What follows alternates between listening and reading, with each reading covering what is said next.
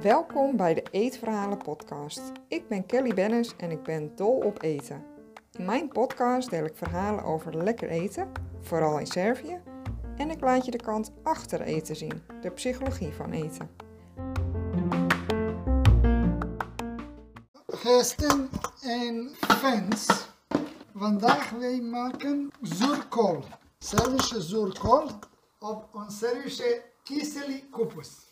Ja, je krijgt vandaag dus een kijkje bij ons in de keuken. Je hoorde net Petja, dat is mijn vriend en hij komt oorspronkelijk uit Servië.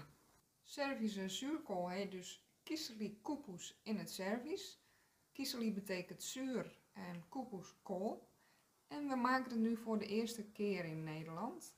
Normaal hebben we ja, een lekker voorraadje in Servië van onze familie. En ehm, ja, nu gaan we het zelf proberen. Echt super zin hebben we daarin. Het is altijd weer spannend, zo'n leuk fermentatieproject. Eerder hebben we het gekocht bij een Turkse winkel, Kiselikoepus. Dat was uh, vacuüm verpakt. En volgens mij kwam het uit Macedonië. Maar dat was toch niet helemaal naar onze smaak. Uh, ja, het smaakte niet zoals thuis. Maar dat kan natuurlijk ook moeilijk hè, als je het in de winkel koopt.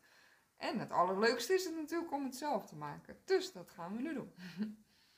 Groot verschil met Nederlandse zuurkool is dat de kolen vaak heel blijven. Op die manier kan je er uh, sarma van maken. Sarma is een uh, gerecht waarbij je de vulling zeg maar, in gefermenteerde koolbladeren wikkelt.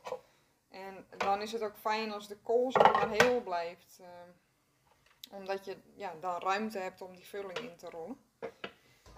We hebben nu 7 kilo witte kool, waarvan we de kern eruit hebben gesneden. Sommige laten we heel. En we hebben halve kolen. En uh, om het te laten passen in de emmer raspen we ook nog wat kool. We testen nu een aantal methoden. Raspen met een rasp. Verschillende diktes. Ja, dus zeg maar gerast in de keukenmachine en gesneden in de keukenmachine. En dan gaan we gewoon na het fermenteren wel kijken wat het beste bevalt. Hè? Ja.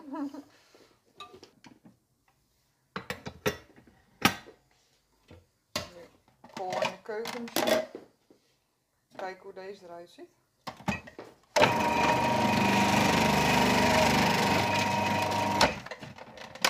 Definitief. Deze is... Uh... Ja, dit is inderdaad die ik bedoel. Yes. Ja, dat is beter. Net hadden we hele korte, ja, een beetje lucifers. Uh, en dit is echt lekker dun. En wat langer, uh, ja, beter. Dit gaat even wat sneller. Je krijgt het eigenlijk ook nooit zo fijn met een mes. Dus een keukenmachine is wel fijn uh. En liever grote stappen snel thuis. Wij stoppen de kool in emmer nu. Dit is een vergistingsvat uh, van Brouwmarkt van 12 liter. Volgende keer kiezen we een uh, vergistingsvat van 30 liter. Hè? Ja. Het is nu een beetje passen en meten. Pet, jij hebt net de grote kool in 2,5 erin gedaan en hij doet nu de geschaafde kool uh, erbij. En dan ga ik nu het zout afmeten. Dan maken we eigenlijk een pekeloplossing, dus zout water en ja, dat gieten we boven op de kool, zodat het kan gaan fermenteren. En je kan op kamertemperatuur uh, fermenteren, maar wij zetten hem lekker uh, koud in de schuur. Dan gaat de fermentatie iets langzamer. En ook uh, met betrekking tot de geur, hè? dat is wat beter. Anders heb je echt zo'n koolgeur in je huis. lekker aandrukken inderdaad de kool. Dit is wel weer grappig, want ik heb, ik heb alleen nog maar zuurkool gemaakt en wat variaties daarop. Uh, hele kool heb ik nog nooit zo gefermenteerd, dus ze worden ingestopt lekker zo in de kool.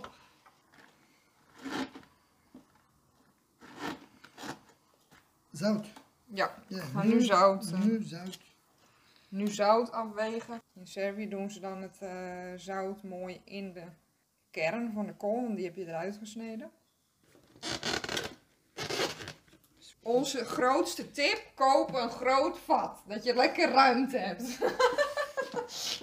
dat is ons advies. nu gaan we er water bij doen. Je kan water erbij doen. Ja, ja, ja.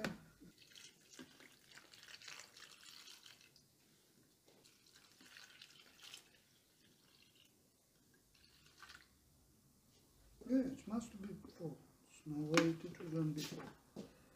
And we are pressing from above. Oké. Goed. We gaan de emmer nu sluiten met de bijgeleverde deksel. Er zit ook een waterslot op, zodat de CO2 die bij de fermentatie ontstaat kan ontsnappen. Dat is een buisje wat je vult met eh, water bijvoorbeeld voor een deel. Of dat water komt misschien wel uit het vat als het erg vol zit. Daar gaat de CO2 dus in. Dat is heel makkelijk. Want mocht je dit waterslot niet hebben, dan moet je elke zoveel dagen, of misschien zelfs wel elke dag als de fermentatie heel hard gaat, het vat openen. Anders ontploft je vat en dan heb je andere zorgen. Troep opruimen bijvoorbeeld. Dus dat is zeker aan te raden. Dat waterslot bevestig je in een uitsparing van de emmer. Je kunt die gewoon kant-en-klaar kopen, dat die uh, uitsparing er al in zit en het waterslot erbij. Maar heb je bijvoorbeeld al een heel mooi vat of emmer of een pot, uh, of je vindt het heel leuk om dat zelf te maken of te doen, dan heeft meneer Wat Ons een super gaaf boek. Dat heet Over Rot. Dat gaat helemaal over fermenteren en er staan superveel uh, do-it-yourself handleidingen in.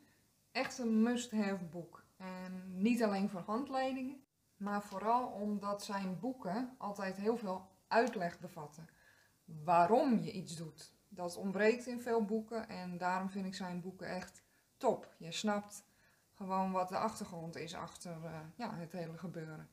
En dat is fijn en ook nodig, zeker bij zoiets als fermenteren, om te voorkomen dat het mislukt. Wat altijd kan gebeuren natuurlijk. Een mooie aanvulling daarop is het boek van Christian Wij. Dat heet Verrot Lekker.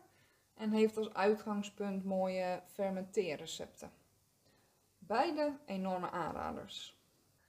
Ja, en we gaan jullie op de hoogte houden van de ontwikkelingen. Dus we gaan uh, ja, regelmatig kijken we eventjes hoe het uh, met onze kiezelikoepers gaat. Onze Servische zuurkool. En dan... Uh, gaan we ook een keer de, ja, het water, dat, dat is gebruikelijk in Servië, dat je het water, dus hè, het zoute water, dat je dat aftapt. Er zit ook een kraantje in uh, het vergistingsvat. En dat je dat in een pan uh, laat lopen bijvoorbeeld. En dat je dat dan weer, dan draai je het kraantje weer dicht. Heel handig om het te onthouden. En dan uh, doe je het vervolgens weer erbovenop, zodat het zout goed ja, blijft circuleren en ook het vocht. Dus dat uh, gaan we ook doen. En ja, we gaan jullie op de hoogte houden. Dus er komt uh, in ieder geval een deel 2. Wil je nou ook zelf koepels maken? Hou dan de volgende aflevering hierover in de gaten. Want dan delen we ook het recept met je. Met de precieze verhoudingen. Dat uh, luistert nogal nauw bij het fermenteren. Nou, en ook super leuk als je de andere aflevering in de gaten houdt. Die gaan over lekker eten en ook over de psychologie achter eten. Heb je een vraag aan ons? Laat het gerust weten door mij een berichtje te sturen op food.kellybennis.nl Super leuk om van je te horen en heel erg bedankt voor het luisteren. Ciao!